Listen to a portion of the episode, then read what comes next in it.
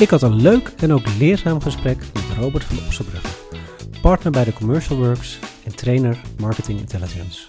Robert ken ik al even uit het vak en ik heb hem al even geleden zelf meegemaakt bij Intermart GFK. Daar viel hij op als iemand die meteorologisch sterk onderlegd is en dat in begrijpelijke taal kan uitleggen. Inmiddels is hij voor velen een goede bekende binnen het marketing intelligence vak en valt hij mij altijd op door zijn duidelijke mening over wat goed en minder goed gaat binnen ons vakgebied. Luister en leer waarom organisaties juist minder data moeten gebruiken, dat baanbrekend onderzoek zelden echt baanbrekend is en waarom succesverhalen over merken vaak misleidend zijn. Met de excuses voor mijn eigen geluid dat af en toe even wegviel. Ik vroeg Robert allereerst naar het verloop van zijn loopbaan. Ja, ik ben uh, ja, ruim 20 jaar geleden begonnen bij Motivaction. Uh, gewoon als onderzoeker eigenlijk. Uh, snel rol opgepikt als methodoloog. Ik voel eigenlijk een beetje met mijn neus in de boter daar. Uh, ik had uh, vanuit mijn studie psychologie allerlei vakken met statistiek en methodologie. Ik vond, ik vond het heerlijk. En bij Motivation waren ze daar net mee aan de slag. Dus ja, echt een hele goede timing. Heel veel kunnen en mogen leren hele fijne tijd gehad. Ehm, na een jaartje of vijf dacht ik, nou, ik moet weer een volgende stap zetten. Toen ben ik zelfstandig uh, onderzoeker geworden. Heel erg gezocht van wat een goede rol bij mij was. Ik ben al lang eigenlijk als methodoloog aan de slag geweest, maar eigenlijk steeds meer richting het marketingvak opgeschoven. Ook nog wel marketing gaan studeren. Um, heel veel dingen uitgeprobeerd eigenlijk. Soms wat, uh, wat niet zulke slimme beslissingen genomen, denk ik. Maar uiteindelijk uh, komt het allemaal weer goed, want sinds een jaar of vijf werk ik nu voor Commercial, Work, uh, Commercial Works. Ik ben een partner. Ik heb een aantal collega's, in, uh, nou, eentje in Nederland en een aantal in het buitenland. We doen hele interessante projecten. Ik kan heel veel van, van al die ervaring leren. ik heb nog steeds ook mijn zelfstandigheid wel, dus ik heb, ja, ik heb een mooie mix nu gevonden, denk ik. En ehm, dus ja, de, wat de, klussen die we nu doen, die, die, die, het is een beetje advies, het is een beetje training, het is een beetje, het is een beetje onderzoek, het is een beetje data. Dus uh, ja, ik ben erg wel content met, uh, met hoe het nu gaat. Klinkt goed. En uh, jouw huidige werk, dat richt zich op drie pilaren. En ik ben wel even benieuwd waarom die drie pilaren zo belangrijk zijn. En allereerst is dat eh, KPI frameworks. Nou, een, KPI framework, wat we daarmee bedoelen eigenlijk, is van wat, wat, wat hou je als bedrijf allemaal bij? En uh, dat is steeds meer geworden. En kijk, als marketeer doe je in principe gewoon drie dingen. Je maakt een plan, dat noemen we dan strategie. Je, dat plan voer je uit met allerlei dingen, dat noemen we dan executie. En dan ga je evalueren wat je hebt gedaan, of het allemaal goed is gelukt en of je misschien andere knoppen moet gaan draaien. Dat noemen we dan custom intelligence of insight. En ja, weet je, dat is eigenlijk wat al die bedrijven nu aan, aan het doen zijn. Uh, toen ik net begon in dit vak, toen was, was, had, je, had je een afdeling marktonderzoek en die was verantwoordelijk voor de cijfers. Maar dat is, dat is eigenlijk al lang niet meer zo. Je ziet nu eigenlijk dat marketeers zelf verantwoordelijk zijn om gewoon de dingen uh, te meten, om, om, om wat ze doen, om dat goed te onderbouwen. En er is nog wel heel veel van wat daar op, op het gebied van, van, van datamodellen gebeurt. Heel veel op hele shaky aannames. Dus ja, die, als wij daarmee bezig zijn met die KPI-frameworks, dan, dan, dan is het eigenlijk niks anders dan hele kritische vragen stellen. Van joh, wat zijn je aannames? Heb je die aannames getoetst? Uh, wat houdt met wat verband? Uh, al dat soort vragen. En ja, meestal komen daar wel cleanere, aangescherpte uh, frameworks uit. Dus ja, KPI frameworks is eigenlijk gewoon een, een, eh, een fancy woord voor, voor wat hou je allemaal bij. En ehm, ja, daar houden we ons eigenlijk heel veel mee bezig. De tweede pijler is data literacy. Hoe zou je die uh, verder willen omschrijven? Data literacy, ja, Dat, is, dat, is, dat is iets wat, wat ik eigenlijk al mijn hele werkende leven interessant vind. Is dat we. Um, we maken best wel veel denkfouten. Er is, er is ook best wel veel over geschreven. Er zijn veel boeken over verschenen. Maar er zijn. Um, zeker in marketing, omdat er zo ontzettend wordt geleund op data, dan moeten we ook wel een, een, een zekere, zekere datageletterdheid hebben.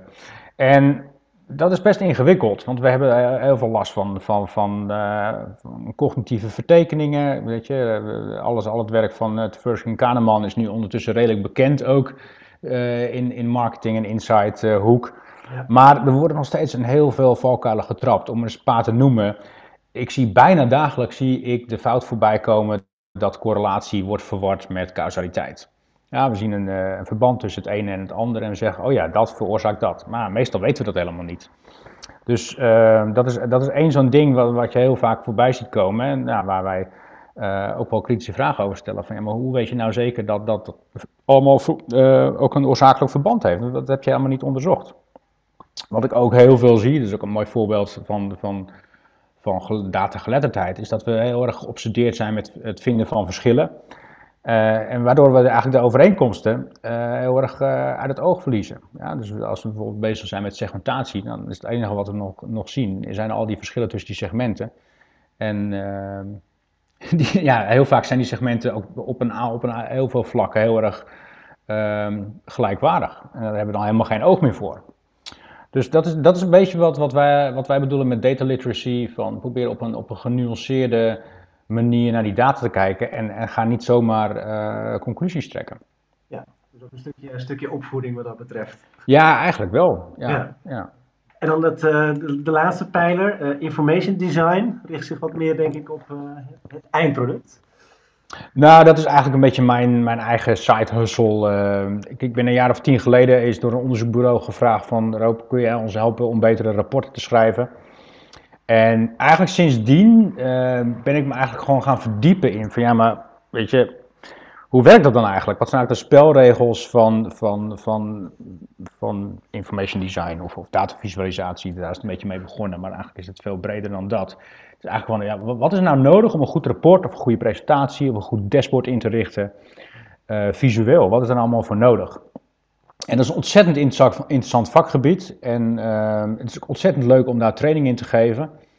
Uh, ik, geef, ja, ik geef nu al jarenlang training aan, aan marketeers en onderzoekers, en gewoon studenten, data scientists, hele diverse groep professionals eigenlijk.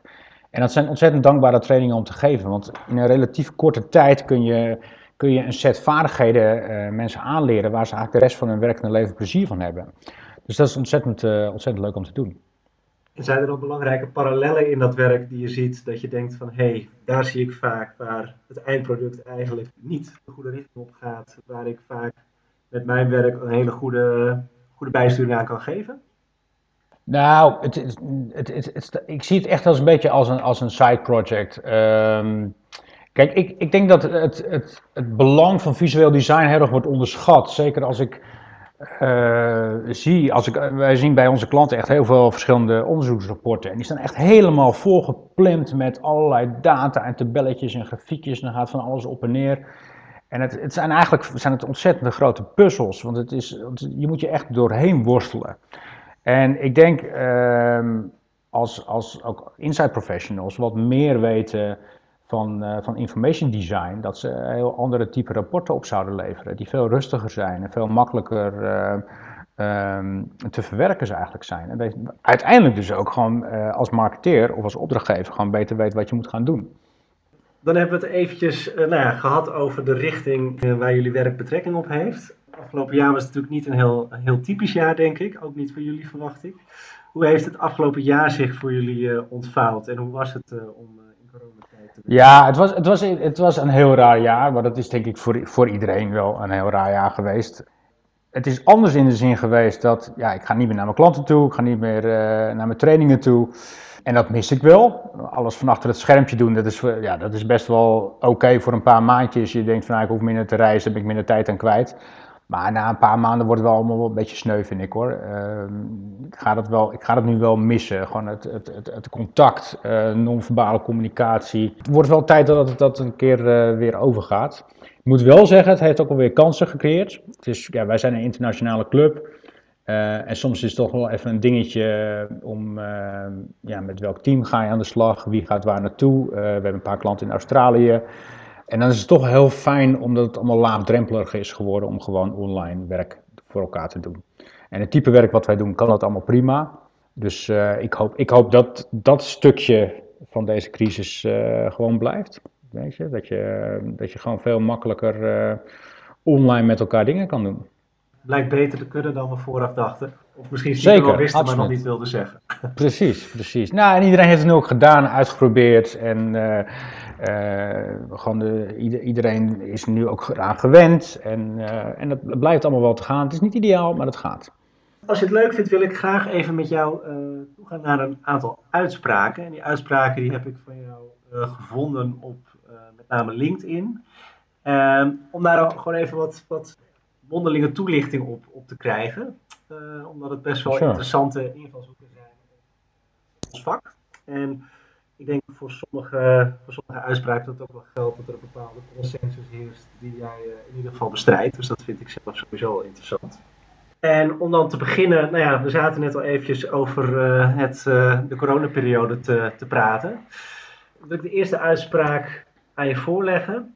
Stop met het doorrekenen van de effecten van het coronabeleid van het kabinet, want we weten het. Ja, ja nou, dat ging niet eigenlijk zonder meer over het coronabeleid hoor. Het gaat maar meer om het hele idee van dat doorrekenen. Dat vind ik echt een ontzettend naïef idee.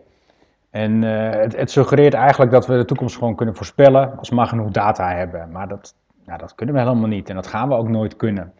Er zijn zo ontzettend veel aannames in die modellen en, en veel te veel variabelen in het spel die we helemaal niet mee kunnen nemen eh, in dat model en allemaal eh, niet, niet betrouwbaar of valide kunnen meten. En, dus, weet je, en zelfs zonder die problemen heb je ook nog te maken met, betrouwbaarheidsintervallen.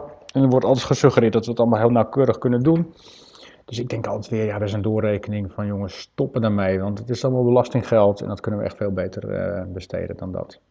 En dan even daar, uh, daar een stukje op voortbordurend zien we ook veel uitspraken in ieder geval langskomen over hoe belangrijk het is om door te blijven gaan met adverteren in coronatijd. En dat heel veel positieve effecten heeft op je merk. Maar ik heb een uitspraak van jou gelezen dat je zegt van ja, dat kan wel zo zijn, maar dat is lang niet altijd geldt dat zo. Vaak is onderzoek daarnaar misleidend. Ja, dat ging om het idee dat, dat het onderzoek zelf uh, naar het effect van adverteren in, in, in crisis- of coronatijd. En nou ja, dat ging met name eigenlijk om onderzoeken die uh, in crisistijd, want we zaten pas net in de coronatijd, dus we hadden er helemaal geen data van. Maar ja, dit is nou echt zo'n voorbeeld dat het gaat over data literacy. Van, van snappen we, kunnen we begrijpen wat er uit zo'n onderzoek komt en hoe dat is opgezet. En bijna altijd is dat appels- en peren onderzoek, zoals ik dat altijd noem waarin je eigenlijk bedrijven met elkaar gaat vergelijken die bijvoorbeeld al verschillend zijn, ongeacht of ze nou doorgingen met adverteren of niet. Want wie zijn in crisistijd de merken die doorgaan met adverteren? Die waren al succesvoller, want die hebben geld om te adverteren. En de minder succesvolle bedrijven, ja, die hebben dat niet. Die hebben het zwaar, dus die gaan, gaan kijken, oh, kunnen we kosten uh, uh, besparen. Dus het is, het is appels en peren vergelijken. En uh, het, ja, van daaruit ook dat ik zeg van ja, weet je, kijk even heel goed naar dat onderzoeksdesign. Uh, je kan er niet zoveel uit concluderen.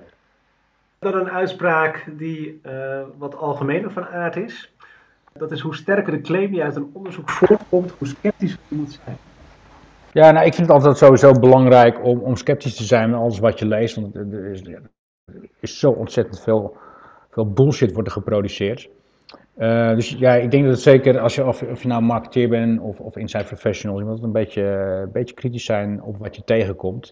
Maar dit ging met name over ja, dingen die echt wel hele bijzondere dingen, dat je, dat je denkt van jeetje, dat, dat, dat heb ik nooit geweten, of uh, dat, het is iets, iets, iets schokkends, of uh, hoe, hoe, komen ze erop. Maar je moet niet vergeten, we, we doen al meer dan 100 jaar onderzoek met z'n allen. En uh, dus als er dan iets ja, zogenaamd baanbrekends uh, wordt onderzocht, iets totaal onverwachts, dan is dat eigenlijk heel raar. Want dat betekent dat we het niet eerder hebben ontdekt. En die kans is gewoon niet zo groot. Dus ja, weet je, ambitieuze claims, die vereisen ook ambitieuze onderbouwing. En die mis je nog wel eens, denk ik. Nou ja, weet je, eh, ze zeggen ook wel eens één onderzoek is geen onderzoek. Ik bedoel, uh, ook in in, in de wetenschappen is, het, is een belangrijk principe en dat is replicatie. En uh, weet je, als je één keer iets vindt in een onderzoek, dan gaat het dan nog maar een keer onderzoeken en nog een keer en dan in een andere situatie en op een andere manier. En als er dan iedere keer hetzelfde uitkomt, ja, dan, dan heb je iets te pakken. Maar één onderzoek, ja, dat, dat, dat, dat, is eigenlijk niet, dat stelt niet zoveel voor. Terwijl we een neiging hebben om te denken van ja, het is onderzoek, het is data, dus het zal wel waar zijn. Maar ja, zo, zo werkt het helaas niet. En dat komt eigenlijk, uh, ligt, sluit het mooi aan op een thema waar jij in ieder geval wel meerdere, meerdere artikelen over wel hebt geschreven. Dat gaat over het analyseren van data. En dat je dan eigenlijk beter niet op efficiëntie kan focussen, maar op effectiviteit. En volgens mij is dat ook wel een belangrijk stoppaardje van je. Nou ja, wat, wat, ik, wat ik daarmee bedoel is niet zozeer de analyse zelf, maar hoe kijk je naar je metrics eigenlijk? En ik zie met name in het, in, in, uh, bij onderzoek bij campagne-effectiviteit, al de, alles wat bijgehouden wordt, dat draait om efficiëntie. En natuurlijk willen we uh, kostenefficiënt uh, opereren, ehm, maar eerst moet de boel werken. Weet je? Eerst, eerst moet je zorgen dat je dat de boel het doet, zeg maar. Dat je, dat, je, dat je advertenties tot meer verkopen leiden. En dan pas moet je na gaan denken van hoe kan ik dat zo goedkoop mogelijk doen. Maar ga maar eens, ja, al die, al die ROI-cijfers die ik in die rapporten tegenkom, die, dat is allemaal percentages, dat is allemaal relatief. Maar dat geeft me geen enkel inzicht in welke campagne de meeste knaak heeft opgeleverd. Want het kan best wel eens zo zijn dat een, uh, een, een, een, campagne met een lagere ROI gaat gewoon om veel grotere absolute cijfers. Dat is een veel groter opgetuigde campagne. En daar kijken we helemaal niet naar. We zijn alleen bezig met zo goedkoop mogelijk inkopen. Uh, en, en, en, en dat gaat allemaal ten koste van, van, van onder andere eh, creativiteit. En je, ziet ook gewoon dat, dat, de media-effectiviteit gewoon achteruit loopt al een aantal jaren. En dat heeft volgens mij heel erg hiermee te maken. Eigenlijk ligt het dan ook uh, nou ja, in lijn met de volgende, volgende quote, wat gaat over het bouwen van succesvolle merken. Dat, dat het vaak wel gezien wordt als, als een trucje, maar nou ja, als het trucje was, had ieder merk uh, veel succesvoller geweest waarschijnlijk. Uh, dat het veel meer is dan even aan een aantal knoppen draaien. Zoals wel vaak nou, ja, ja, nee, het is, het is veel meer dan een aantal knoppen draaien. Maar wat, wat mij vooral stoort is dat vaak wordt gesuggereerd dat er, dat er aan één knop gedraaid uh, moet worden. Weet je, je ziet nog zo vaak posts en artikelen voorbij komen met, met echt van die kinderlijk eenzijdige succesverhalen. Uh, en en dat, er, dat, dat het succes dus aan één ding wordt toegewezen. Kijk, we, doen nu met, we, we, zijn nu met purpose bezig en kijken eens hoe succesvol het is. We zijn met big data bezig en kijken eens hoe succesvol dat is. En ja, weet je, terwijl dat ene ding dat, dat draagt misschien niet eens bij aan het succes. En, uh, want het zijn, het zijn een beetje willekeurig gevonden cases vaak. En er zijn ja, heel hoogstwaarschijnlijk zijn er al een hoop andere dingen die, die, die goed worden gedaan en bijdragen aan dat succes. Maar die worden niet eens genoemd, want dat is niet goed voor het verhaal. Uh, en dan denk ik wel eens, ja jongens, kom op, we zijn, uh, dit is toch een serieus vak. We zijn toch niet alleen een beetje stoere jongensverhalen aan het vertellen hier. We pakken er een enkel elementje uit wat goed... Ja, het is een ontzettende cherrypicking en dan, dan pak je een paar cases die daarbij passen en dan hebben we een mooi verhaal. En uh, ja, ik vind dat toch wel een beetje, beetje treurig altijd. Nou, dan nog een, uh, een, laatste uitspraak. En dat kwam volgens mij voort uit een analyse van, uh, van iemand die je had opgepikt. En dat gaat over het, uh, het nemen van generaties als uitgangspunt voor een segmentatie. Zoals bijvoorbeeld de millennials. Um, en hoe verkeerd dat eigenlijk is. Ja, dat was een fantastisch iemand. Er was een bedrijf die had de moeite genomen om is dat even flink onder de loep te nemen. En ook te onderbouwen met data. En die hadden dus een aantal generaties gewoon vergeleken van hoe, ja, hoe, hoe verschillend die zijn van, van andere segmenten. Noemen. En, en daar waren ze erachter gekomen dat millennials eigenlijk uh, minder anders zijn dan mensen die, uh, die flossen. En dat soort dingen, weet je, dat soort belachelijke dingen. Waarmee je natuurlijk wel heel sterk een punt maakt van ja jongens, dit slaat helemaal nergens op. Je kan wel gewoon vertellen, jongens, dit slaat helemaal nergens op. Dus, dus ja, ik bedoel, uh, millennials als segment nemen. Ten eerste is het de meest luie vorm van segmentatie die je kan bedenken. Maar ja, weet je, het, belangrijkste criterium van een segmentatie is dat de mensen binnen één segment, binnen één groep, dat die heel erg op elkaar lijken. En ja, dat is gewoon, dat is gewoon niet het geval. Dus ik snap ook niet dat, dat, dat, het, dat het nog steeds eigenlijk een issue uh, is. Dit is. Die wordt al. Uh, 10, 20 jaar wordt er over, over generatiesegmentaties gepraat en uh, gebruikt. En dan, wordt, gaat een hoop geld in om. En dan denk ik van ja, kijk gewoon even naar de cijfers. Ja. Dan, uh, dan zou je in principe genoeg, uh, genoeg moeten weten. En, en hoe kan het dan in jouw ogen dat er dan toch zoveel merken en bedrijven zijn die dat nog steeds als uitgangspunt nemen? Um, nou ja, kijk, dat is, al, dat is het leuke met cijfers. Je kan van, met cijfers kun je elk verhaal bouwen die je wil. Je kan uh, selectief zijn in je cijfers. Je kan, uh, wat ik net zei, je kan met die ROI-cijfers, je kan in plaats van absolute cijfers maak je relatieve cijfers. Je laat de referentiegroep weg. Dus, er is een hele trucendoos die je kan opentrekken om van cijfers het verhaal te shapen die jij wil. Ja, en daar zijn consultants ook heel erg goed in. Dus hier houden we nog even last van, denk ik. Als we dan even kijken naar de ontwikkeling in ons vak Wat, wat zie jij voor je voor de komende vijf jaar? Wat zullen de belangrijkste trends zijn? Ja, voor mij is toch wel de belangrijkste ontwikkeling, denk ik, fragmentatie. En die zie, dat zie je al eigenlijk een hele tijd zich ontwikkelen. En mijn, ja, ik verwacht het eigenlijk dat het dan wel een tijdje doorgaat. En je ziet die fragmentatie echt op alle fronten. En dat begint denk ik bij het consumentenlandschap. Uh, als je eens even kijkt wat, wat je als consument aan keuze hebt, aan producten en merken en kanalen, dat is echt, dat is echt bizar. Dat, dat blijft zich maar versnipperen. En dat, ja, ik denk dat dat nog wel even doorgaat. En een reactie daarop is, is ook de fragmentatie van organisaties, want die moeten daarin mee. En net al zei, vroeger had je nog gewoon een afdeling marktonderzoek en een afdeling marketing. En, en, dat is al lang niet meer zo. Je ziet die rollen nog wel, maar ja, die gaan helemaal versnipperd door de organisatie heen. En ja, marketeers worden ook steeds meer verondersteld om, om zelf hun beslissingen eh, te onderbouwen. Dus dat betekent ook dat alles, wordt, eh, ja, alles wat gemeten en geanalyseerd wordt, wordt is steeds gefragmenteerder uh, geworden. En ja, met name bij de, de, de grote organisaties, ja, daar wordt zo ontzettend veel bijgehouden. En er is eigenlijk niemand die echt nog het overzicht heeft. En uiteindelijk is dat denk ik heel uh, inefficiënt. En ik denk dat daar zowel voor die bureaus als voor de opdrachtgevers uh, de grootste uitdaging ligt voor de komende tijd. En zie je daarin ook al hele, hele goede oplossingen langskomen? Waarvan je denkt van, nou, dat, dat... nou ja, ik ben er toevallig nu even een blogje over aan het schrijven. En, en ik denk dat de belangrijkste oplossing is uh, dat we af moeten van het mantra van meer data is, is betere besluitvorming. Dat klopt namelijk echt van geen kant. Uh, kijk, dat geldt in principe in een data-arme omgeving, maar daar zitten we al lang al niet meer in met z'n allen. We zitten in een uh, in, een, in een ontzettend datarijke omgeving. Weet je, we hebben zo ontzettend veel data beschikbaar. Zo, we kunnen zoveel data ontsluiten en verzamelen en, en analyseren. Dus weet je, in, in, in, in zo'n omgeving geldt al nog meer data. Dat is eigenlijk gewoon meer afleiding en meer schijnzekerheid. En ik denk, ja, als, als bedrijven dit durven te onderkennen en er ook naar gaan handelen, ja, dan denk ik echt dat je een concurrentievoordeel kan gaan pakken.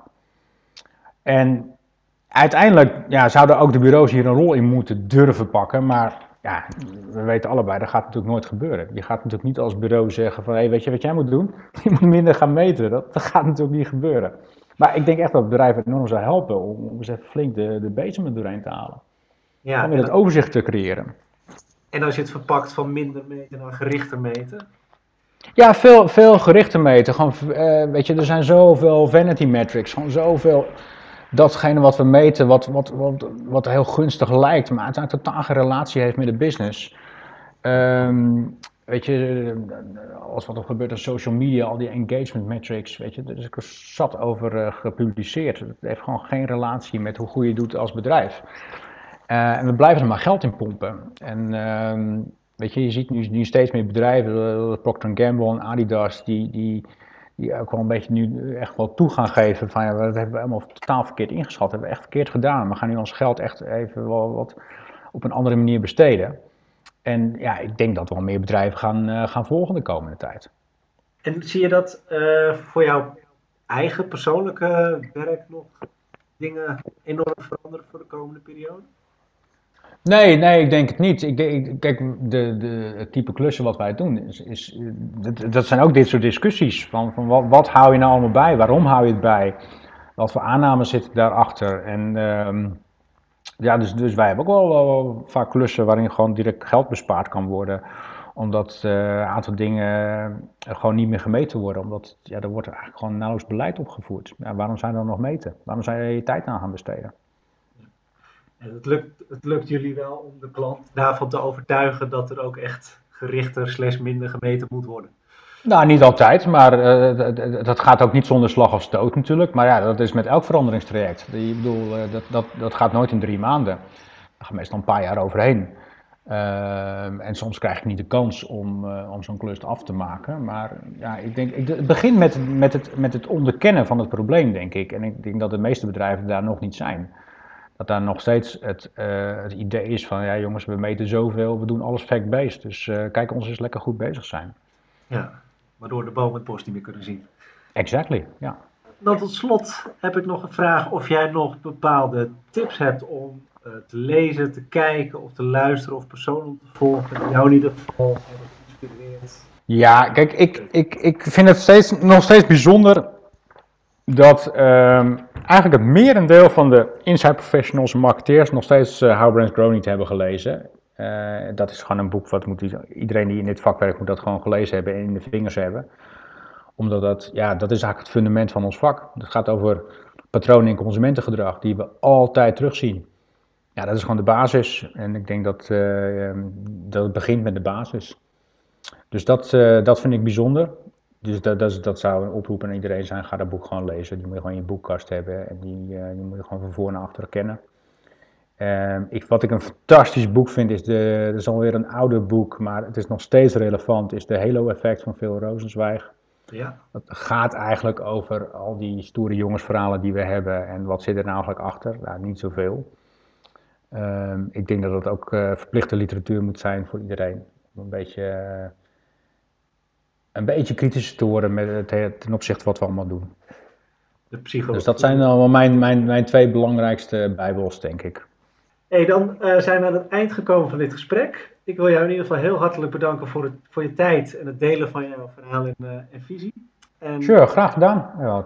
En hele fijne feestdagen alvast. Ja, insgelijks. Hele fijne feestdagen en uh, tot, tot snel zou ik zeggen. Dat was wat mij betreft weer een erg leuk en interessant gesprek. En hopelijk vond jij dat ook. Laat vooral weten wat je ervan vond. Via de website of stuur mij een privébericht via info.mematch.nl Volgende maand staat er weer een leuke gast op de planning. Houd de website of mijn LinkedIn weer in de gaten. Dankjewel!